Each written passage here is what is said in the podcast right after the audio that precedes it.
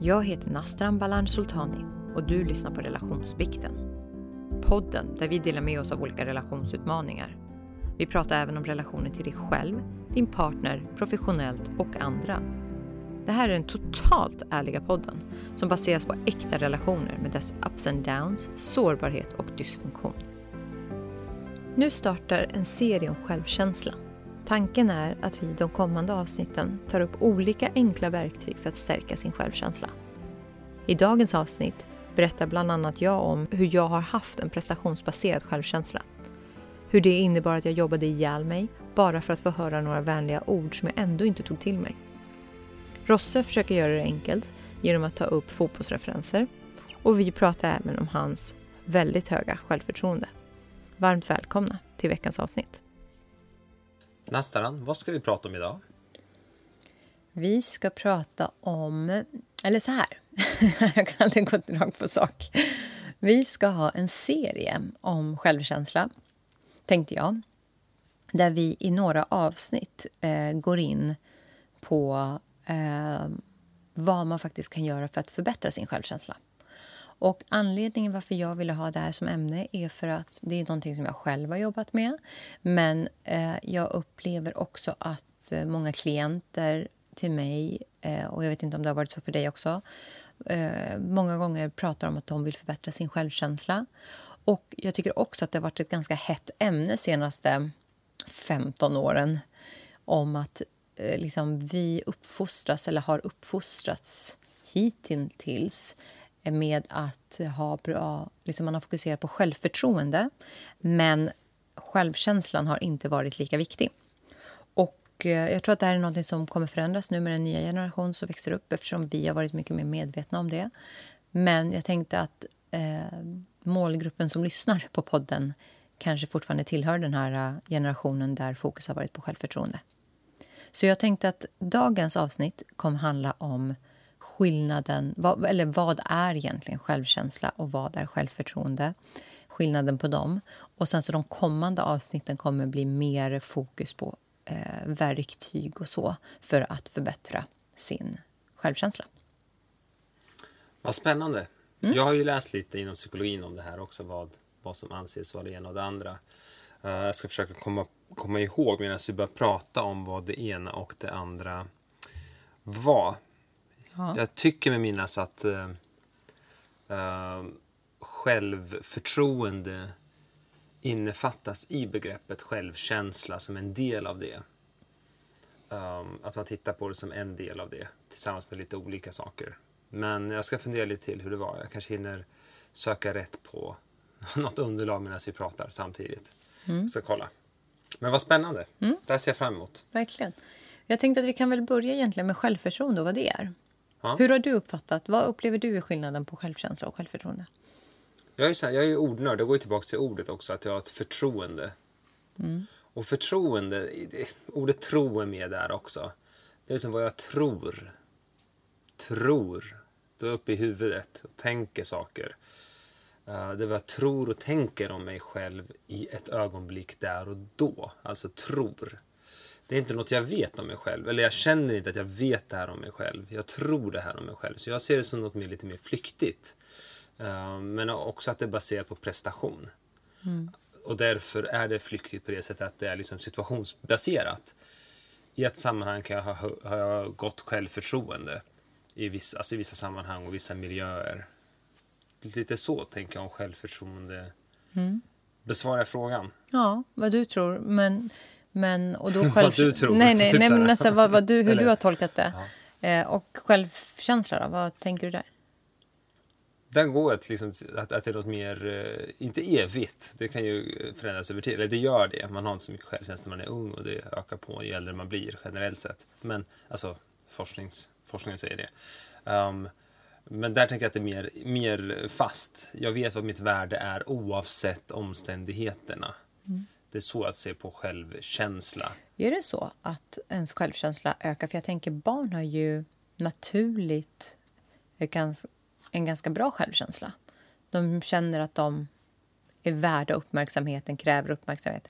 Självklart beror det på lite hur de behandlas i familjen men jag tänker att naturligt så vill vi ju ta plats och känner oss värdefulla. Men sen så kommer vi in som föräldrar eller omgivning och kan förstöra det här.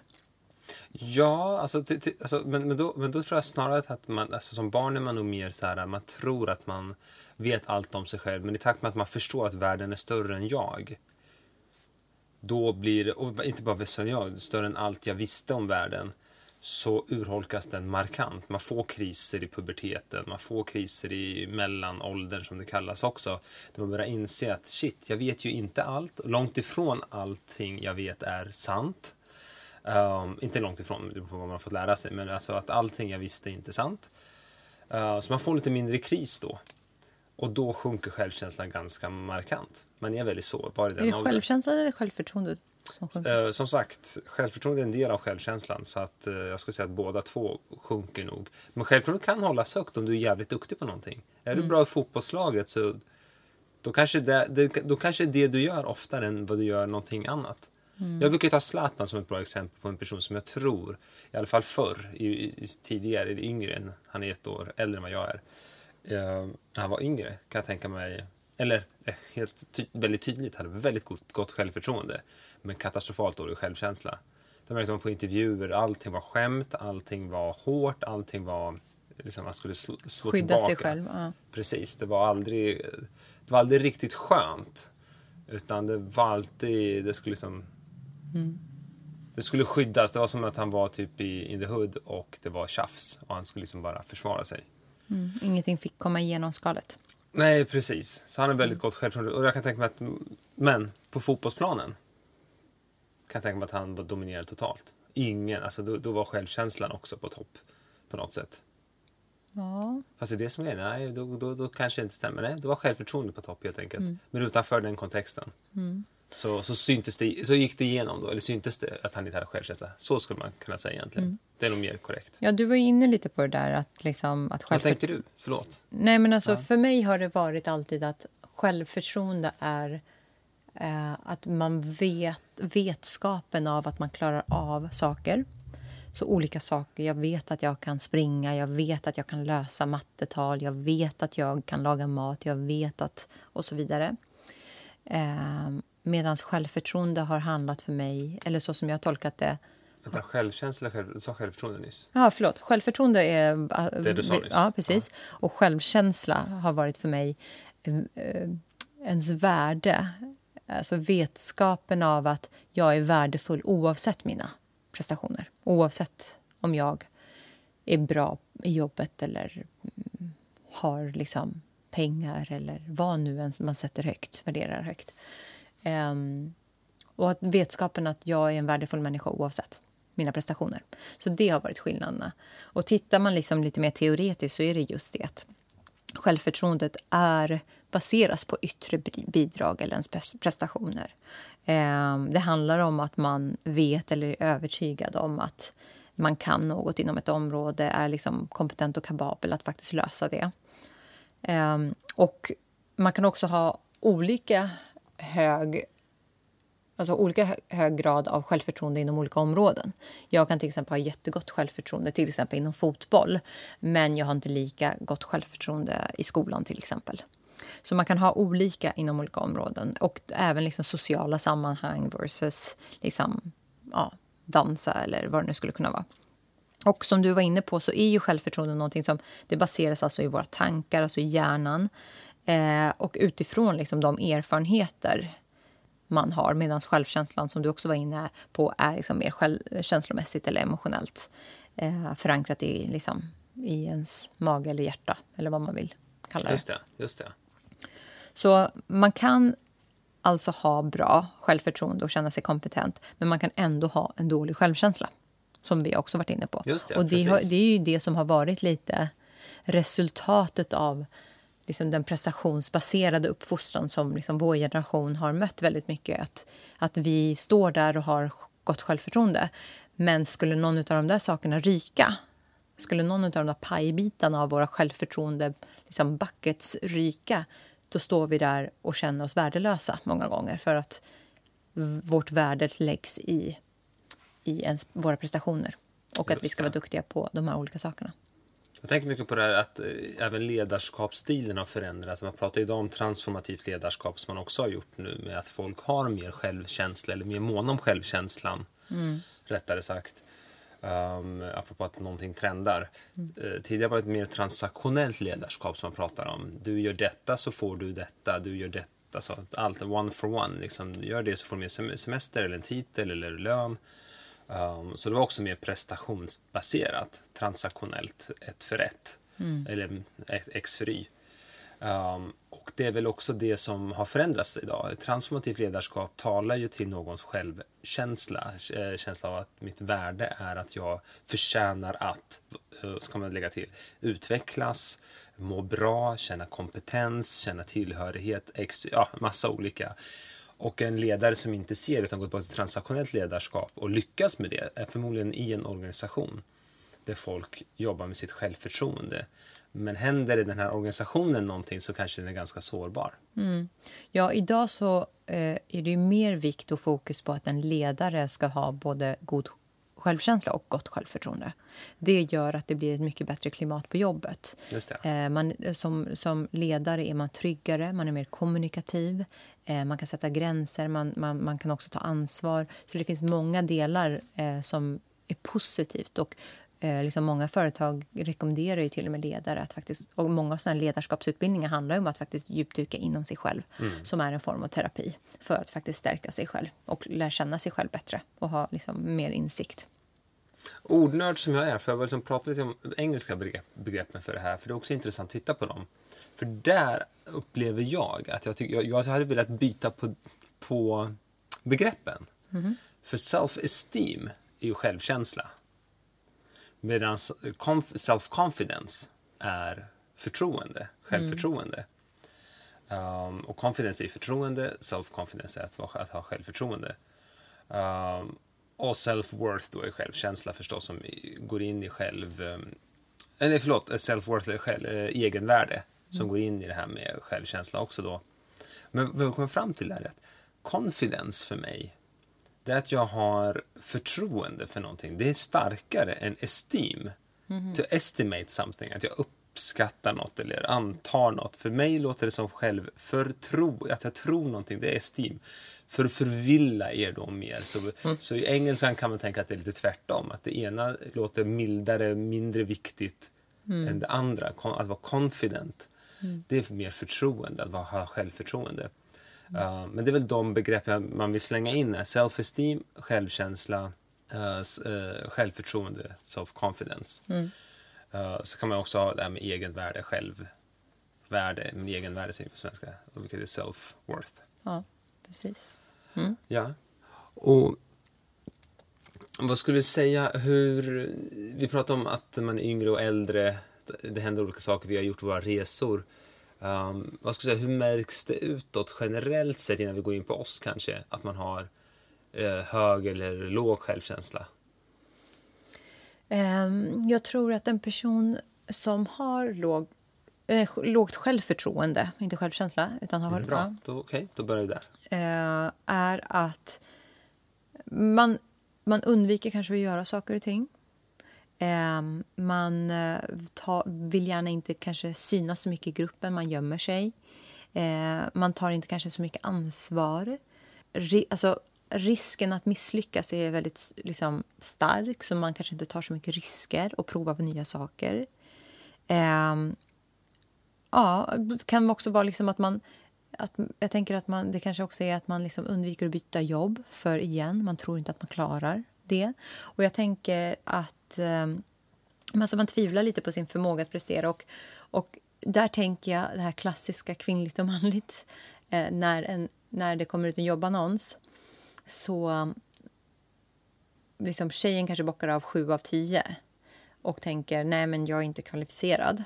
Medan en kille bockar av två av tio och tänker ja ja, jag är ju överkvalificerad. Jag, jag, jag bockar ju två av de här tio. Um, eller, eller tänker jag bockar av sju av tio. Precis, fast de inte gör fast det. De inte gör det. uh, och jag tänker att det är lite kopplat till självförtroende också. Eh, eller insikt kanske mer. Eh, ödmjukhet. Ja. ja. Nej, men jag tänker, det jag upplever, för om vi bara jämför oss du, jag upplever ju att du tror ju att du kan klara av vad som helst. Absolut, jag Ja. tror det också. Ja, nej, Jag, jag, precis. jag ser mig som, om vi pratar om att ha självförtroende och vara kapabel, Ja. om vi kopplar ihop de två som, som, som du sa förut. Jag ser mig som väldigt kapabel. ja. Jag tänker så allt handlar bara om en, en kort, in, ge mig en kort intro så kommer jag lära mig vad du vill. Jag ser mig som de här bebisarna, jag tror John Locke, den här filosofen som sa tabula rasa-teorin. Ge mig en massa bebisar så kan jag få dem att bli ingenjörer, läkare, tiggare, tjuvar. Mm, beroende Det- på vad man... Miljön är allt, Ja. gen- gener är inget. Alltså lite mer den grejen. Att, liksom, så ser jag på mig Men själv. tror lite du att det är manligt och kvinnligt? Är män överlag, har de högre, har de bättre självförtroende? Jag, jag är ju ändå, alltså jag, är, jag ser mig själv som feminist, så jag tror ju att det finns strukturer i samhället. Jag tror på det. Jag tror på struktur och maktordningar. Så jag är ju så här... Men, men jag är också skolad, så jag förstår att det finns gener. jag fattar att det finns gener också. Um, Nej, men jag Om man- tänker att tjejer... Förlåt, nu avbryter Ja, jag men dig. att, Ja. men att killar tar mer risker. Ta, bara så här, ta den grejen. Entreprenörer. Mm. Killar tar risker. Killar kollar på annonser där det handlar om att ta risk eller så här, gå utanför sin comfort zone. Men det kanske är kopplat mer till amygdalan och biologiskt och allting. Ja, då får du det där. Och sen så sån här, du vet, kom och var med på den här resan. Du får 30 000 men du får en andel i det här bolaget. Killar söker de här tjänsterna. Kvinnor gör inte det i samma mån. Nu börjar det komma fler kvinnor som gör det, som har sett andra kvinnor lyckas när de har gjort det. Ehm, och kanske kan identifiera sig med det. Men generellt sett har det varit killar och då blir det också så att när det söker ett 40 män och två kvinnor då blir det inte så svårt att tänka sig att ja, men vi kan inte, då måste vi kvotera in. Men om vi ska ta den bästa så är ju chansen såklart mycket större att en av de 40 är den bästa.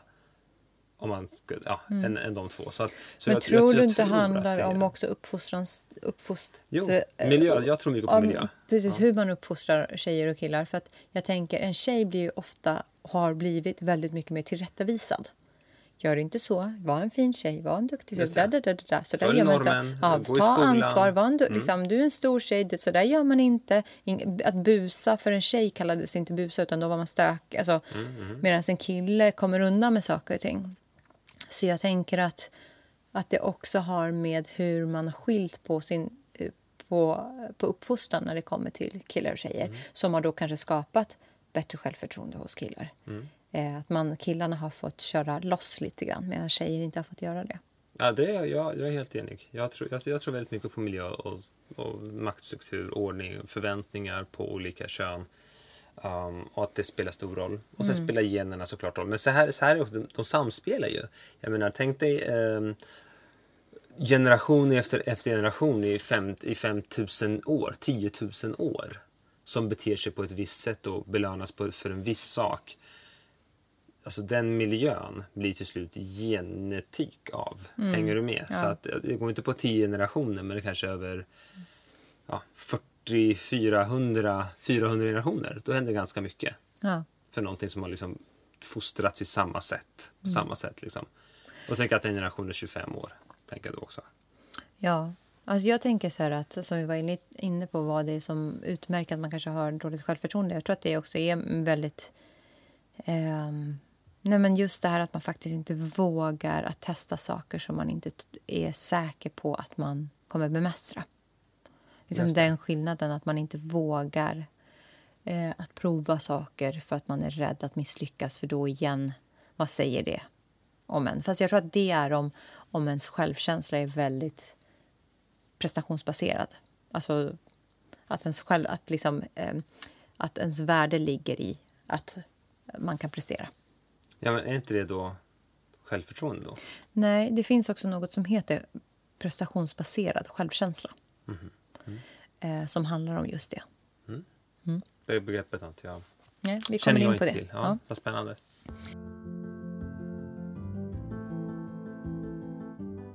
Så ja, och då tänker jag så här... För, liksom hur man faktiskt blir bättre, hur man faktiskt ökar sitt självförtroende. Eh, om jag går tillbaka till mig själv, jag har ju... Under min uppväxt hade jag ju väldigt låg självkänsla. Och Och eh, ända fram tills ja, men jag började gå i terapi där eh, när jag var runt 30. Så det enda jag hade var ju mitt självförtroende. Men det intressanta med mitt självförtroende var ju just att det var ju hela det här att bluffkänslan. Jag visste att andra tyckte att jag levererade och någonstans så tog jag risker. Men jag hade ju ångest hela vägen. För jag trodde ju inte jag skulle kunna leverera. Eh, men det var ju om jag hade någonting så var det självförtroende. Men ett sätt för mig att förbättra mitt självförtroende eh, och jag tror också att det är ett sätt att förbättra sitt självförtroende i att börja göra saker som man vill få bättre självförtroende på. Så till exempel att eh, eh men jag tänker så här, men jag, är, jag kan inte springa, jag är ingen löpare till exempel. Ja, men går jag ut och försöker springa en mil första gången så kommer jag definitivt misslyckas. Eh, så det handlar ju om att sätta rimliga mål och att faktiskt planera så att man firar de små sakerna också. Ja, men jag börjar med att gå en minut och springa en minut. Sen när jag gjort det några gånger så går jag upp till att springa kanske fem minuter. Och sen efter det så är det tio minuter och så håller man på så och till slut så har du sprungit din mil. Och då kan du liksom, då vet du att nej men jag klarar ju faktiskt att springa en mil. Jag, vad är det här med att jag inte klarar? Nästa gång så är det så här, nej men jag kan springa. Så att ta sig an lite olika saker. Och han, eh, vad heter han? Jag säger alltid hans namn fel. JP Phillips, vad heter han? David. Ja, David, heter han JP Phillips. Han pratade om det, att han liksom hade vissa såna här äh, regler för sig själv. Att jag är inte händig, jag är inte det, jag är inte det. Så man sa, nej, fan heller. Vem säger att jag inte är det? Och händig kanske handlar om att jag har inget tålamod. Det är kanske är det det handlar om. Och, och att jag faktiskt inte planerar tillräckligt bra inför att göra en sak.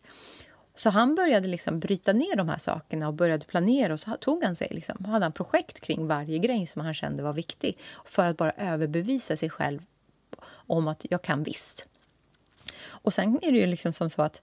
Eh, så det är ju en grej. Sen kan det ju handla om att man kanske inte prioriterar att vara bra på allting. Man kanske inte behöver kunna allting. Det kanske inte är viktigt. Så någonstans att lista ner men vad tycker jag att jag har ett gott självförtroende inom? Och vad har jag inte ett gott självförtroende inom? Och inom de sakerna som jag inte har, vilka av dessa är faktiskt viktiga för mig? Om inte det är viktigt för dig att kunna dansa, ja, men vad spelar det för roll om du inte är bra på det då? Till exempel. Eh, eller tycker det är kul eller vad det nu skulle kunna vara. Just det, kan, kan, kan du leva med det? Ja. Att, att, kunna säga att, säga att jag, jag är inte bra på att dansa. Eller jag mm. tycker inte om att dansa, vilket som.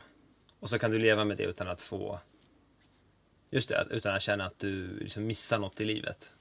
Precis, precis. Ja, så, så liksom... Någon slags acceptans stöttar upp ja. självförtroendet då. Ja, acceptans förmildrar att man slutar klanka på sig själv kanske kring det. Just det. Um, ja, men så det är liksom en grej, att man faktiskt belyser vilka områden och sen så gör en liten plan för att faktiskt bli bra på det. Och till slut så kan man det. Och det här var ju någonting som när jag tränade inför klassiken... Alltså jag, när jag var yngre, jag hatade att springa. Jag hatade att springa. Och du vet ju hur jag är nu. Nu har jag inte kunnat springa på länge. Men det är ju det bästa jag vet. Alltså det är ju liksom... Jag älskar att springa. Inte för att jag har gjort det på många år, men jag hoppas att kunna göra det igen. Um, men du har inte gjort det på grund av skador? Nej, precis. Mm. Um, men så när jag tränade förut och Det här tänker jag kopplas ihop med min självkänsla också. Men när jag tränade så var jag min värsta fiende. Mina tankar var så här, åh, det är jobbigt. Åh, vad tungt det är. Alltså, det ser, åh, alltså, du kommer aldrig klara det här. Ska du inte bara sluta? Du kan sluta springa, du behöver inte det här. Och sen så kom nästa. Gud vad du är värdelös. Klarar inte ens av att springa. Då, då. Kolla på alla andra. Och, och så gick mina tankar så här. Så snacka om att rikta sin energi fel när man, när man tränar. Och när jag började träna mycket så insåg jag, eller jag vet inte vilket som hände, men jag tror att jag var medveten om mina tankar så jag började aktivt liksom bara Bra jobbat Nassa, det här går jättebra. Bra, och så kämpar du på. Eh, eh, liksom fem minuter till. Och så började jag tänka liksom annorlunda. Och hela liksom, de här åren där jag tränade inför de här långa loppen gjorde att jag blev en otroligt mycket bättre, schysstare person mot mig själv. Eh, och jag liksom blev min egen hejaklack. Så jag kommer ihåg på Vasaloppet när jag skulle köra och det var iskallt och det var, vi hade felvallat så det eh, Alltså, och liksom för folk som inte kan eh, liksom, längdskidor så bra, vallar man fel, alltså det kan vara riktigt, riktigt tungt. Och det var uppförsbacke första, första liksom, kilometrarna. Eh, och jag hade vallat fel, så jag hade typ så här, mängder av snö som jag drog med mig i skidorna. Tanken är att man ska glida på snön. Jag drog åt mig snön och liksom kom ingenstans. Jag kom absolut ingenstans. Så när jag hade kört 6 kilometer, och det är alltså Vasaloppet är 90 kilometer. Jag var dyngsur. Jag var slut och hade mjölksyra, typ. Och jag tänkte så här... Alltså, och då var det så bra med mina tankar. Alltså, då hade jag övat på det här. Och jag sa, okej okay, Nastran, 84 kilometer kvar bara. Det är bara 84 kilometer. Det här klarar du. Bryt ner det här. Du kör 4 kilometer till. Sen kommer det bara vara 80 kilometer kvar. Sen kör du en mil till. Sen är det bara 70. Och så peppade jag mig själv. Bra jobbat! Alltså, de här tankarna gjorde att hela upplevelsen blev en helt annan sak. Ehm, så det var liksom ett sätt för mig att bryta min syn på mig själv när det kommer till träning och att jag klarar av till exempel lopp eller att jag är schysst mot mig själv. Och jag tycker att hela den grejen har också hjälpt mig i många andra situationer där jag faktiskt är mycket mer human och schysst mot mig själv. Um, jag hör någonstans att det också, nu antar jag, eller jag, mm. jag ska ställa frågan lite mer öppet kanske. Uh, du, du varit mer schysst mot dig själv och sett på något sätt en potential, hör jag, hos dig själv. Har du öppnat upp någon slags um, till, mer tillåtande approach till andra människor också då? Där du har sett att, hej, alla har mer potential än vad de tror. Alltså, hänger du med? Mm. Att alla, att du tar folk för, mer för vad de är, men ändå... Att, att, att du kanske till och med så här. Du tänker om folk att alla kan bättre. Alltså på ett positivt sätt. Inte så här, fan du kan bättre, vad håller du på med? Utan mer så här, Nej, jag, vet, jag tänker mer så mm. här. Jag tror att det tankesättet du är inne på kom nog mer i min terapi. Men när det kommer till löpning och träning specifikt ja. så är jag verkligen så här, du, jag vet att du klarar det. För om jag klarar det, mm. så jobbigt som jag tyckte att det var. Så när folk säger så här, jag hatar att springa. och folk hatar ju säkert mig för att jag säger så. Jag bara, nej, Alltså, du måste bara göra det rätt. Ja, men det är mig du pratar till nu. Ja, men vi har pratat om det här, att det skulle vara härligt att springa ihop har du sagt och jag har sagt. No jag tycker way. det är skittråkigt. Att springa, ja. Jag tycker ja. det är kul att springa efter en boll. Ja. Det kan jag göra hur mycket som helst. Jag kan, jag kan ha en boll liksom klistrad på ryggen och så kan jag springa före dig så kan du springa efter mig. Jag kan komma efter och försöka sparka din rygg. Din boll på ryggen. Du kan försöka springa ikapp mig. Nej, men så jag är mer så här, nej men då kanske ni gör det fel. Ni kanske går ut och springer prestationsbaserat. Istället för att bara gå ut och springa utan att liksom, försöka knäcka några rekord. Eller du, push, du kanske springer för snabbt, till exempel. Du njuter inte av faktiskt löpningen och så vidare. Och folk kanske hatar mig för att jag säger det.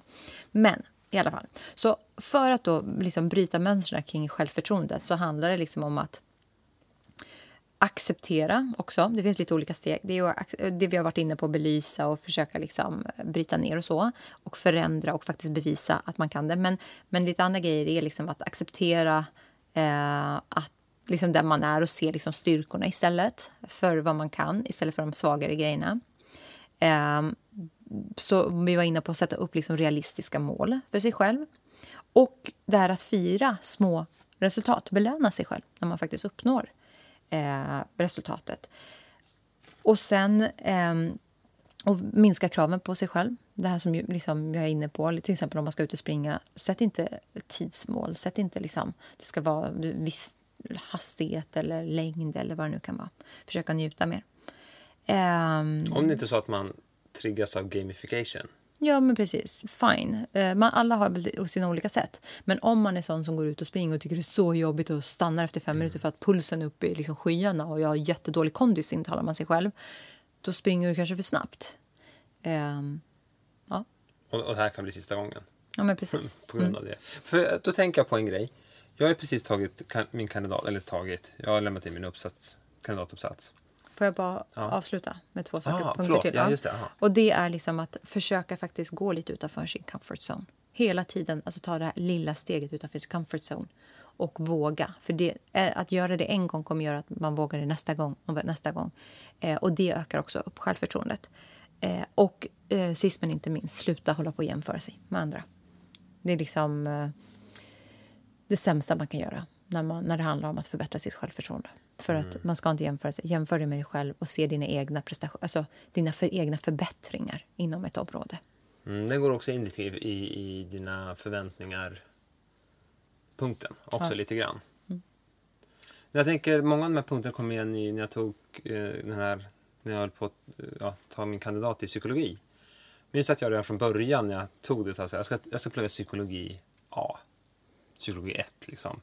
Och sen gjorde jag det, så sa jag så här, nu är det så här många procent kvar, sa jag till dig. Ganska snart. Nu har jag klarat så här mycket av första terminen. Och så här 5 mycket, procent. 5 procent av hela utbildningen och nu har jag klarat så här mycket. Och så sa jag det hela tiden, så här, nu har jag klarat det.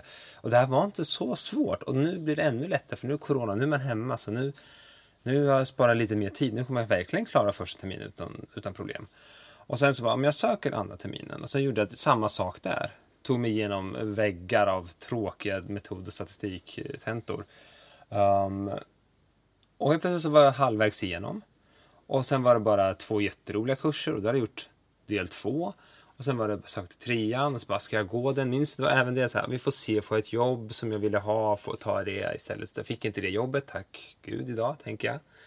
Uh, och sen så, ja, alltså jag tog dem lite steg för steg, men också att jag firade hela tiden. Yes, jag klarade tentan och jag hade inga krav. Minns jag sa att jag skiter i betygen. Där jag tycker det är kul kommer jag få högt betyg, tror jag. Och där jag tycker det är tråkigt kommer jag få lågt betyg. Och mycket riktigt, de, de kurser som jag inte brydde mig om fick jag sådär i. Och de kurser jag, jag verkligen älskade, då fick jag A i. Jag fick ju B, C, D, jag har fått ett E till och med. Men vadå, jag klarar det. Jag har inte haft en omtenta, inte, jag har bara gått så, jag ska, jag ska bara pinna bara av med den här tr- tråkiga kursen för den här roliga kursen istället. Nej, så, så många av de här grejerna jag känner, och det har ju ökat mitt självförtroende ganska mycket att kunna få ta en till, få en till examen innan jag var 40. Ehm, Jag kommer inte hinna det. nej, du är ju ett år äldre än jag också, så det, Och- det, du har det emot dig förstås. Okej, självförtroende. Så ditt självförtroende är det inget fel på i alla fall. Nej, jag, jag har väldigt högt Det har du sagt, det började vi med att säga. Men att jag, jag har väldigt högt självförtroende. Um, för det mesta... Kan, kan, kan det vara för negativt med för högt självförtroende? Ja, men det är väl arrogans. Och det är skugg, så Carl Jungs skuggsidor som man pratar om. Det är ju, eh, skuggsidorna är ju intressanta att titta på. Um, Och jag tänker om man har liksom narcissistiska drag så är det väl också att man blåser upp sig själv väldigt mycket. Och att man inte alls kan ta kritik och att man liksom verkligen vill hävda sig just det. med sin, ja, tänker jag. Men jag, jag vet Ja, men inte. självklart. Ett, ett för, för, hög, för, högt, eh, för hög självkänsla eller för, hög själv, för hög självförtroende snarare, Ja. ska jag säga. jag tror inte det går att ha för, högt, för hög självkänsla. Eller? Eller? Går det? Att jag, mitt värde är mm, så högt att det är mer än någon annans? Nej, men det handlar ju inte om relativt till andra. Det handlar ju bara om att man själv tycker att man är värdefull som person. Ja, men hur som människa. värdefull får jag vara? Går mina behov alltid före alla andras? Nej, men då är man ju inne på egoism och ja, precis, Ja, sådana saker. menar. Ja. Då, då, ja, finns någon, jag tror att det finns en gräns där också. ja, kanske. Vi, vi liksom glorifierar självkänslan och säger att den, har, den lever det här. Den, är den goda fen, eller vad ska säga, goda på den schyssta delen av axeln, eller schyssta axeln. Och sen är arrogansen djävulen.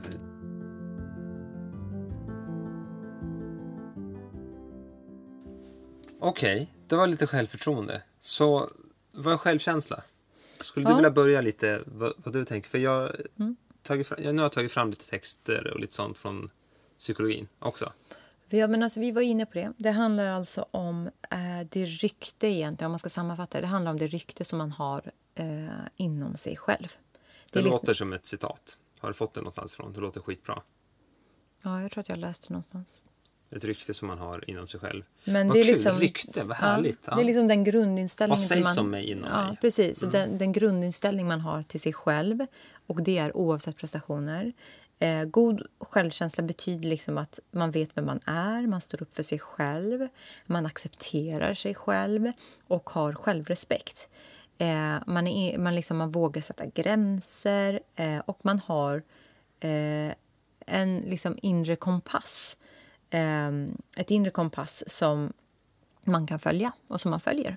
Mhm, Så man vet om sina värderingar och det gör också att kanske folk runt omkring dig vet Mm. att du uttrycker dem på något sätt i dina, dina handlingar och dina ord och dina... Okej, Ja. okej, ja. Och jag tror att andra människor eh, känner sig trygga i en sällskap. Och liksom... Nej, men Just du, för de vet vad de kan räkna med Ja. i ditt, med dig. Okej, ja. Ehm, nej, men liksom, det, det är liksom det här inre kompassen eller den här ankaren, att man är liksom trygg. Ehm, eh, och man är snäll mot sig själv. Jag tror att om man lyssnar ganska mycket på sina liksom, automatiska tankar som vi har varit inne på så, hör, så kan man nog lätt höra om man har en god självkänsla eller inte. Eh, för man ser till också att eh, man ser till att faktiskt tillfredsställa sina behov. Och man är, som vi var inne på, kan sätta gränser mot andra. Och det här är ju någonting, alltså det här med gränssättning, att prata humant till mig själv, att liksom följa, leva lite mer efter mina värderingar, eh, att ta mer ansvar. Det är ju saker som jag kom till först efter att jag faktiskt började jobba i, med mig själv i terapin. Ehm, så det var ju först då jag började få bättre självkänsla. Just Och kände att nu jag är var vi- värdefull. Nu är vi inne lite grann på här självmedkänsla också. Ja. Men det tror det är jag, att, jag tror att för att ha en god självkänsla så har man också självmedkänsla. Just det. Man är snäll mot sig själv. Man, har, man, man, man, man kritiserar inte sig själv så hårt. Det är så här, ah, ja, men det där funkade inte, men det är okej. Eh, men man kan också ta ansvar när man faktiskt gör fel. Just Så det. jag säger, det där var fel, det var inte okej, men det betyder inte att jag inte duger som människa. Jag gjorde fel. Skillnad på ens beteende versus ens att vara någonting. Och det är ju också ett sätt att faktiskt höja barnens självkänsla. Ehm, som jag har, när jag har läst lite böcker så har det varit att eh, för att höja ett barns självkänsla så ska man inte heller, man ska inte hålla på och säga s- bra, gud vad fint. Det ska inte handla om prestationen. Man ska bara repetera vad barnen gör. Så till exempel de ritar. Ja, ah, du ritar. Gud vad tråkigt. Ja, det, det är det. Men då höj, det är liksom hur man ska höj, höja barnens självförtroende. Man bara bekräftar, man bara speglar vad barnen gör. Ja, du springer med den där. Ja, du la den där. Alltså, det låter jättetråkigt. Men det är så man gör. Eh, och sen just det här att också liksom skilja på om man, man, man säger inte till eh, samma sak till sin partner. Vi har varit inne på det när man ska ge någon annan, när man ger varandra feedback eller kritik. Så är liksom inte, man, man pratar om den andras beteende, man pratar inte om hur en person är. Du är jag upplever att du betedde dig, betedde dig taskigt åt där. Man säger inte att du är taskig eller du är en grym person. Och den skillnaden är också hur man faktiskt stärker självkänsla versus inte. Ja. Ja, jag fick vi lite feedback och kritik där också. Det var jättebra. Nej, men så liksom all in all, man accepterar sig själv. Eh, och eh, har man en dålig dag så har man liksom ingen skuld över det, utan det är okej. Ehm, Så en slags rimlighet i eh, sina krav mot sig själv. Men jag ser också att då, då får man också det gentemot andra. Man blir, man blir nog en bättre människa kan jag tänka mig om man har god självkänsla. Det tror jag också. Jag tror att man har mer acceptans till andra. Jag tror inte man kritiserar andra lika mycket. För jag tror att kritik av andra kommer ju oftast från någon form av projicering av det man kanske inte accepterar av sig, hos sig själv, är det avundsjuk hos, äh, Eller, hos eller andra. medkänsla till andra. Också en projicering av hur man är mot sig själv. Precis, att man inte har medkänsla till sig själv. Precis. Eller att man har Ehm. medkänsla till sig själv. Ja. Då har medkänsla till andra. Mm. Ja. Så jag tror att en person som liksom har god självkänsla också kan hantera svårigheter, motgångar bättre. Man, man hanterar nog stress bättre. Ehm, och eh, Så var kommer självkänslan ifrån då? Alltså om, om vi säger att nu är vi här och så här ser min självkänsla ut och så här borde jag vara och så här skulle jag vilja ha det. Men um, vad, vad, vad är liksom... Vad ligger, va- varför ligger jag på den här nivån jag ligger på? Hög eller låg eller mellan? Hög, eller mellanlåg? nej, men självkänsla sätts ganska mycket i barndomen. Om man har blivit sedd, om man har blivit respekterad som lit, när man var liten eh, om man som, om, av sin omgivning och sina föräldrar har blivit behandlad väl och känt sig värdefull oavsett ens prestationer. Liksom. Om man har en förälder som är väldigt kritisk eh, eller skadar en på ett sätt eller psykiskt, liksom, vad det nu kan vara, då kommer man inte få god självkänsla. Eh, så ja, det, det, det kräver liksom att föräldrarna också är trygga eller alternativt väldigt medvetna om det här för att liksom, så att man inte projicerar vidare. För kommer man, jag menar det är inte konstigt att många i vår generation hade bättre självförtroende. För generationen innan så handlade det igen om prestationer. Det var inte så mycket om det andra. Eh, så man, man ger ju oftast vidare vad man själv har. Just det, man som... försöker bara ge bättre av det man själv kan och vet ja. såklart. Ja. Nej, men så det sätts väldigt mycket i barndomen men det betyder inte att man inte kan förändra sin självkänsla som vuxen. Just det. Det skulle vara intressant att se våra barn, hur de är med sina barn. För att vi går från att ha fått någonting... Alltså vi har fått mer prestationsbaserat, prestationsbaserad självkänsla eller fått öka på vårt självförtroende på olika sätt. Mm. Uh, men inte fått jobba så mycket med självkänsla som barn. Men så har vi förstått att det där är inte så bra, eller det, det där räcker inte, rättare sagt. Man, man skulle kunna jobba med det här. Och sen har vi gjort vårt bästa för att få in det här andra, no, andra då, egentligen. Uh, men sen, det, men, men det här nya vi har lärt oss, det är liksom uppe i huvudet fortfarande. Det har inte landat helt i oss. Hänger du med? Så it slips through. Alltså det, kommer, det, det skiner igenom ibland det där mm. med självförtroende, bra och duktig och sitt still och skämmas yeah. för att barnet gör någonting. Det känner jag att jag gör i alla fall. Ibland händer det mig. Um, jag tänker så här, kom, det skulle vara intressant att se hur de gör med sina barn. När det, vi har gjort vårt bästa för att ta bort det där. För att mm. vi, vi, vet mer än vad våra föräldrar visste eller, eller vad någon, den generationen visste överhuvudtaget. Um, och vi har liksom, tror jag, gett dem mer självkänsla än vad vi fick. Mm. Och jag tyckte det där är en så fin balans. för att eller så här, man, jag tänker verkligen att man inte ska försöka lägga över sånt på sina barn. Samtidigt så finns det ju vår roll är ju också att lära dem hur ett samhälle funkar. Så att sitta med benen uppe på bordet eller peta sin näsan vid matbordet, sånt är ju, kommer ju inte accepteras av samhället sen. Så det är en väldigt fin balans på att liksom eh, inte kräva perfektionism eller liksom inte tillrättavisa barnen och liksom kritisera hur de agerar samtidigt som man vill lära dem vett och etikett till en viss mån. Ja, fast nu sa du inte kritisera hur de agerar. Det fick man göra.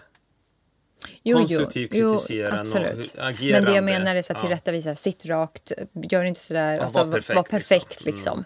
liksom. Um, att den, och, och speciellt jag och du, som du var inne på.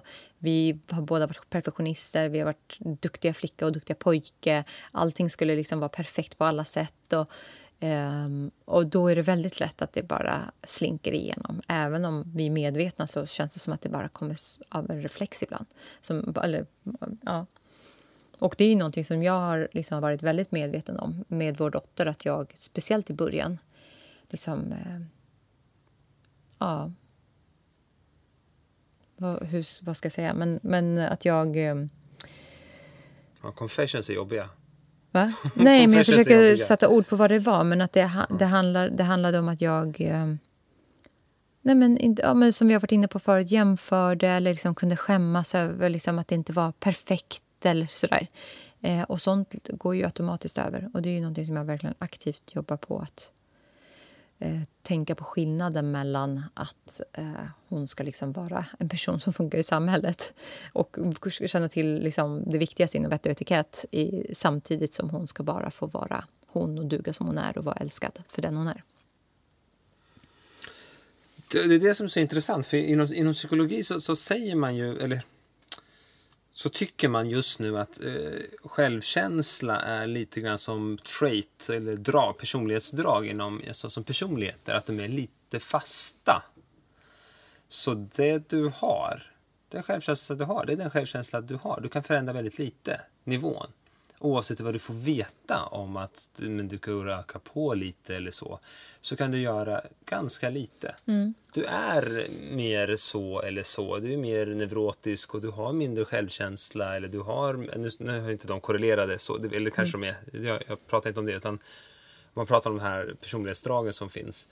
Så där liknar man personlighetsdrag, alltså hur stabila de är, personlighetsdragen över livet, när man väl som har satt dem med hur, vilken självkänsla du har som en vuxen. Mm. Att det är ungefär lika stabilt. Du kan påverka det ganska lite, inte jättemycket. Jag tror, eh, för vi är ju inne på någonting som vi kommer prata om i de kommande avsnitten, nämligen det här med så automatiska tankar, eh, liksom livsscheman och också eh, gud, vad är det andra? Nej, men sekundära antaganden och grundantaganden.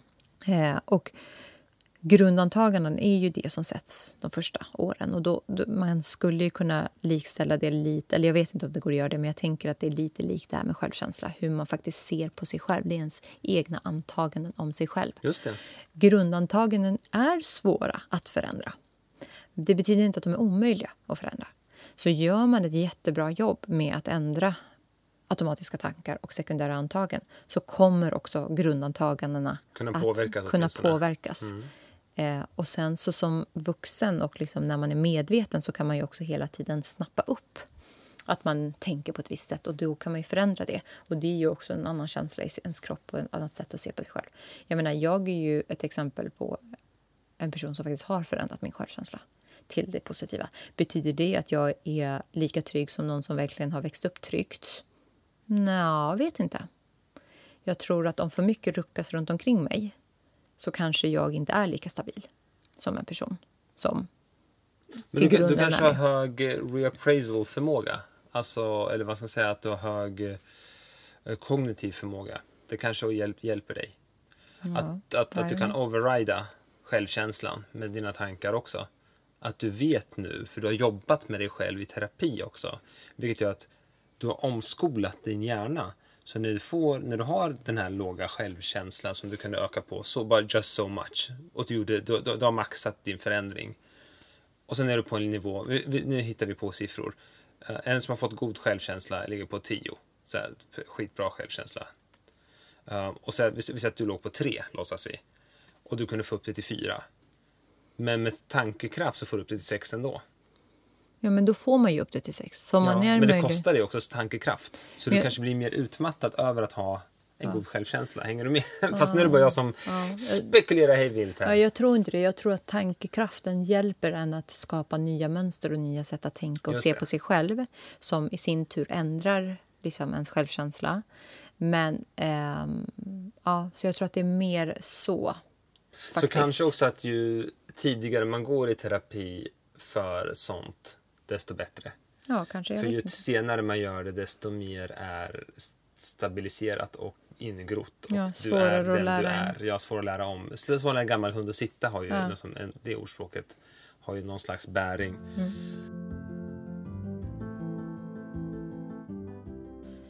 Ja, och idag, idag skulle vi prata om eh, självförtroende, självkänsliga definitioner.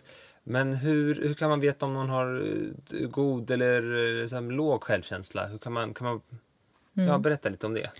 Men låg självkä- självkänsla tar sig oftast uttryck i att man... Eller nu pratar jag som att jag vore en expert, men så som jag har uppfattat och det jag har läst mig till är att man har liksom den här inre dialogen där man är väldigt självkritisk. Ehm, man är liksom en misslyckad människa, så borde man inte ha sagt och andra gör allting mycket bättre än, än vad man själv gör. Och den här liksom, eh, känslan finns kvar och liksom fortsätter att fräta sönder ens självkänsla. Så eh, man, liksom, ens livskvalitet blir ju inte speciellt bra när man har det här sättet att tänka kring saker och ting. Och eh, jag tänker också att om, om fördelen med en god självkänsla är att man tar ansvar, sätter gränser, man är trygg i sig själv så blir ju nackdelen att man inte gör de här grejerna. Man sätter inte gränser, så det finns ju risk att man liksom kanske får mm, dåliga relationer att, man, att det är lätt att liksom ta den här offerrollen för man tar inte ansvar för saker och ting. Jag tänker att ens livskvalitet är inte, eller, tänker jag, eller om jag utgår från mig själv, var inte speciellt bra. Eh. Nej, men när- du beskriver det här så att man jämför sig med andra till exempel, det, det tar ju aldrig slut. Vi har ju pratat om det här tidigare, att man, man kan ju jämföra sig med andra och det kan finnas så positivt i det. Men att man då måste vara väldigt noggrann med vilka de här idolerna eller förebilderna är egentligen. Men här låter det inte som att man gör något val egentligen. Det här låter som ett väldigt ett reaktivt sätt att leva på. Att helt plötsligt hör jag om någon som tjänar pengar eller åker till Maldiverna eller någonting. Och sen tycker jag det är skitjobbigt att inte jag har råd med det. Och sen så börjar jag tolka det som att jag är en sån som inte... Och jag är inte tillräckligt bra människa. Eller jag är Precis, inte, annars hade ja, jag också precis, ja. fixat det för mig och min familj. Och, Mm. Eller den personen är mer värdefull bara för att den har de grejerna till exempel. Just det. Mm. Men det, det, hade- det, hade en bok som som, som hade jättebra liknelse. Du pratade om... eh, Ja, kan inte du nämna den istället? Det var en, så här, Ja, eh, det. Mm. sen, någonting med inre centrumet eller någonting. Precis. Marta Kullberg Weston, hon är psykolog och psykoterapeut, eh, har skriver i boken som heter Ditt inre centrum att personer med dålig självkänsla har liksom, det är som att man har en sked med hål i. Att även om man får positiv bekräftelse från omgivningen så rinner det ut genom hålet och ger liksom ingen varaktig förändring. Och här känner jag igen mig väldigt mycket för att jag var en sån här person att det spelar ingen roll hur mycket positivt feedback jag fick. Jag mindes det negativa. Eller så, även om folk sa jättemycket positivt, så lyfte jag själv, så, så fokuserade jag själv på någonting som jag tycker inte hade gått bra eller inte var bra. Jag kan känna igen det på fotbollsplanen. Jag tar Mm. alltid fotbollsreferenser. Uh, ett tag, jag har haft dålig självkänsla ganska länge, fram tills också jag började gå i terapi och började ta tag i det där. Uh, då kunde jag inte, ibland firade jag inte när jag gjorde mål. Och en fotbollsspelare som är väldigt känd, som gör, som, eller han, idag är han inte jättekänd, han spelar något så här konstigt lag idag, Mario Balotelli. Man kunde se på planen att han mår jättedåligt i livet. Han, han var alltid strulpojke, varenda lag han kom till. Värsta talangen i italienska landslaget, men en svart kille så han har haft det svårt kan jag tänka mig i Italien Speciellt också. i Italien. Ja. Ja. Eh, och inom fotboll och mm. huliganer och fans som tycker på vissa sätt. Men i alla fall, ehm, han mådde aldrig bra. För ibland, han kunde gå flera matcher, göra mål, göra snygga grejer. Eh, och sen när han gjorde mål så var det mest som att han liksom bara ni ser, jag duger! Att det bara, bara lyste om honom. Att liksom, eller lyste, det var som skrek. Han skrek det utan att uttrycka det. Han var så himla stum i ansiktet. Han firade aldrig mål nästan. Det var Mm, jättekonstigt. Det var ä- jättejobbigt att se. Och han var alltid strulpojke, kom alltid till nya lag, bråkade sig ur och blev... Och sen hade han några stjärnor, var stjärna i några matcher liksom, gjorde jättebra. Man såg att han hade grym talang. Men hur som helst, jag kan tänka mig att han har otroligt dålig självkänsla. Ja. Och det är ju just det, liksom effekten av låg självkänsla är liksom, förutom det här som vi har varit inne på, självkritisk och att man är väldigt negativ mot sig själv och har liksom de negativa tankemönstren. Och det har vi ju pratat om mycket förut, det här med automatiska tankar och så. Ehm, men det är just det här med jämförelse med andra, man har svårt att ta emot beröm, väldigt höga krav på perfektion. Så perfektionism är ju liksom en, är ju ett resultat av liksom dålig självkänsla. Tror jag i alla fall. Ja, om jag går tillbaka till mig själv. Jag kan inte se annars varför det skulle vara så. Sen finns det ju vissa områden som man självklart vill att folk är perfektionistiska inom. Hjärnkirurgi till exempel. vill jag gärna att min läkare är perfektionist. Nej, men också det här med att man känner sig som en bluff, bluff som vi har varit inne på förut, är också en eh, liksom, typiskt tecken att liksom, man ska bli påkommen. Eh, att, liksom, att man inte duger. Eh, och också det här med att man, man känner ganska stor oro inför utmaningar, förändringar och därför har man också svårt att anta nya utmaningar. Och känner väldigt Jag tänker mycket på fixed och growth mindset när du pratar om det här. Mm. Men, men det tycker jag vi kan prata om någon annan gång. Hur det skulle kunna relatera till just självkänsla. Mm. Låg och hög självkänsla. För jag har väldigt mycket... Ja, för det känns ju som att fixed mindset... Nu ska vi, ja, vi kanske inte ska gå in på det om vi inte går, in på definitionen, men vi har pratat om det lite i andra avsnitt också. Att det känns ju som ett självförtroende, medan eh, eh, growth mindset handlar om självkänsla. Precis, Mm. precis. Jag ser direkt associationer till de två. Um, men, det finns ju någonting annat också. Vi Eftersom, vi ska, eftersom det här är definitionsavsnittet Mm. så pratar du om eh, det här Karolinska institutet forskning. Just det, vi ska, vi kan, just det, en grej. Vi kanske ska nämna också en annan bok som vi har läst som vi har baserat en del av det vi har pratat om på också, innehållet i den boken. En bok om schematerapi. Lev som du vill och inte som du lärt dig av Young och Klosko. Um, en jätteintressant bok och uh, välskriven, många exempel. Så, så den är väldigt lättläst för den som inte bara ska jobba med terapi. Liksom. Um, men där tar de också upp självkänsla i olika, i olika delar som är, handlar om just schematerapi. Men det- vi, vi ska i alla fall nämna den. Men nu, nu går vi in på Karolinska institutet. För där har vi en forskare som har tagit fram det här med som, som vi på något sätt har gått in som ett mellanting mellan självkänsla och självförtroende skulle jag kalla det. Ja, jag, tror, jag vet inte om det är ett mellanting, men det är i alla fall liksom att det handlar om prestationsinriktad självkänsla eller själv, prestationsbaserad självkänsla. PBS. Eh, och det är alltså... ehm, det innebär att man har en låg självkänsla som är prestationsbaserad. Och det här är ju jag i ett nötskal. Var Eh, du? Var du, förlåt, eh, Vad var jag, förlåt. Självkänslan påverkas alltså av vad man presterar och hur prestationerna erkänns av andra. Man överpresterar och överarbetar saker och ting, ofta för att man är osäker på om man duger. Så det här är liksom så det klassiska duktiga flicka eh, som vi har varit inne och pratat om förut. Eh, och när liksom, får man inte feedback konstant då vet man inte om man, är, om man gör rätt. Och Eftersom man tror att man är värdelös och absolut inte duger till så tar man på sig mer jobb och gör mer än vad man behöver. Och eh, Man tar gärna på sig andras jobb.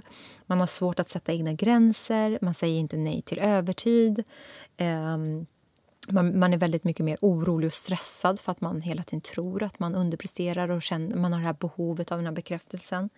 Så eh, det är väldigt lätt också att man blir... Och jag säger man för att det är liksom den här, den här, en person som har liksom PBS eller prestationsbaserad självkänsla. Att man faktiskt blir utmattad och får, eh, att det leder till utmattningsdepression. Ja, det låter som att det aldrig tar slut. Nej. Och att man är ständigt på en stressnivå, låter det som. Ja, det, det, tar kanske slut den dagen man går in i väggen och man måste börja ta tag i det här mm. med, i hjälp, med hjälp av terapi. Eller att man gör det jobbet innan. Men ehm, det, är ju, det här är ju liksom... Det här är ju klassisk kvinnofälla. Alltså många kvinnor eh, blir, har det här och blir liksom... Mm, liksom sjukskrivningar har ju ökat och också främst då bland kvinnor mellan 30 till 40 år. Eh, så ja, tyvärr är det här någonting, och det här är någonting som jag verkligen känner igen mig i. Där jag, liksom, där jag överarbetade saker och ting. För jag jag trodde ju hela tiden att jag skulle få sparken och att jag inte dög. Eh, och, eh, så jag överarbetade saker, jobbade ihjäl mig och var så rädd för att jag inte liksom, gjorde ett bra jobb. Så jag eh, la ner way too much tid på saker. Och när man lägger ner för mycket tid på saker så blir det inte bra heller. För då går man in i detaljer så man absolut man tappar, liksom, man tappar fokus och man, man går in i detaljer istället för att se the big picture. Så um, ja, det här är ehm, den är ganska tragisk för att eh, ens... Och det är lite så här, eh, det här med, vi har pratat om det lite förut tror jag, men det här med olika pajbitar i livet. Att om en pajbit, till exempel eh, ens liksom arbetsdel eller där man behör, känner att man behöver få bekräftelse av andra. För det är oftast liksom extern bekräftelse. För hade den interna bekräftelsen funnits så hade man inte varit en sån person. Då hade man inte haft låg självkänsla. Men om det är liksom den externa bekräftelsen som behövs så lägger man ofta väldigt mycket tid där och man kanske försummar de andra delarna som kanske skulle vara viktigare för att faktiskt bygga upp en bättre trygghet och bas hos sig själv. Så, får man, så går man då in i väggen som prestationsbaserad eh, person, om man har en prestationsbaserad självkänsla, det finns ju ingenting kvar. Då har man ja, ju till exakt. och med fallerat och misslyckats på det enda området där man fick sin bekräftelse. Som man kunde prestera på. Ja, precis. Och råkar man då ha haft det som vi pratar om saknas, en chef som inte kan ge feedback, konstruktiv mm. feedback, konstruktiv kritik, så är man definitivt i risk för en utmattning mm. eller en depression. Mm. Eller utmattningsdepression. Precis. Så jag skulle vilja prata lösningar och vad man kan göra. Men jag tänker att vi har ett par avsnitt till som ska handla om det här. Att du sa att det var en serie, sa du i början. Mm. Så, så kanske vi sparar just det. Eller vad tänker du? Mm. Är det det vi går in på nästa gång eller gången efter? Pratar vi om ja. vad man kan göra, alltså KBT eller vad man, hur man nu gör? Ja, precis. Alltså jag, jag tänker mm. så här, om man bara... All form av typ av terapi, all form av typ inblickande inåt tillsammans med någon som faktiskt kan hjälpa en. Så kan man gå till en coach till exempel och öka på sin självkänsla?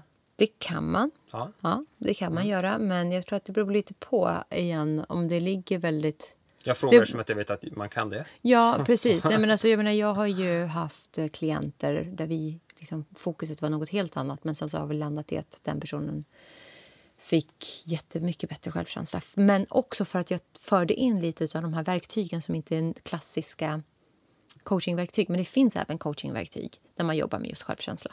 Så det är ju liksom psykoterapi där man verkligen börjar ifrågasätta mycket saker och börjar gräva. Det finns KBT, det finns att man bara ens uppmärksammar ens tankemönster och sådär.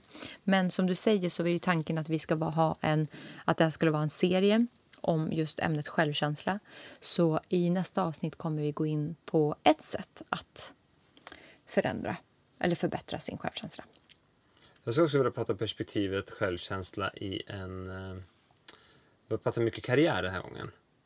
Om vi skulle kunna föra in någon slags självkänsla i parrelation och i vänskapsrelation. Det hade varit jätteintressant tycker jag. Mm. Fast det här är din show. Nej, jag tänker att den är jätteviktig för jag tänker också att eh, till exempel om vi nu tittar på de här kvinnorna som har blivit mördade.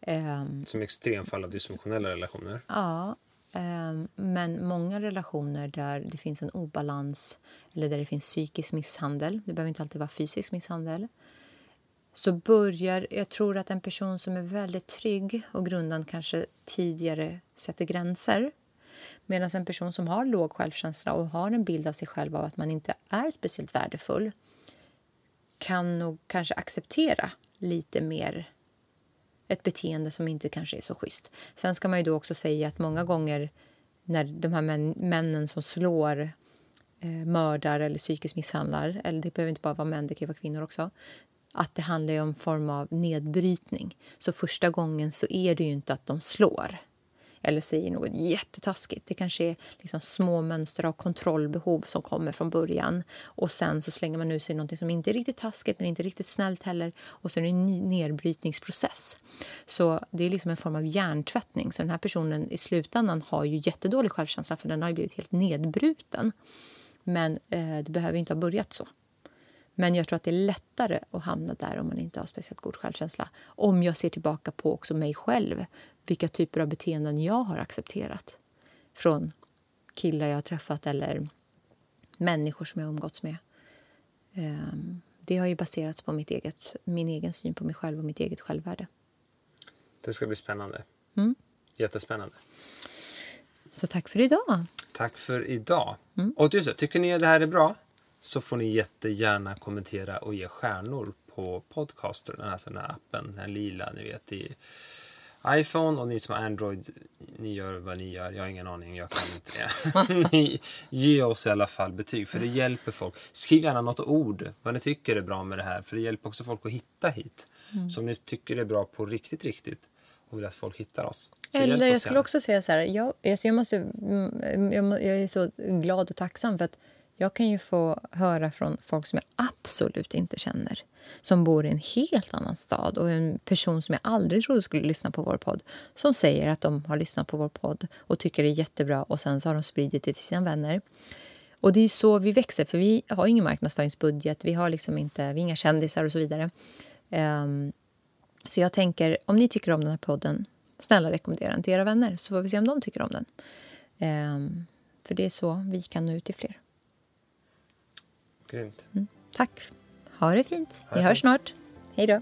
Hej.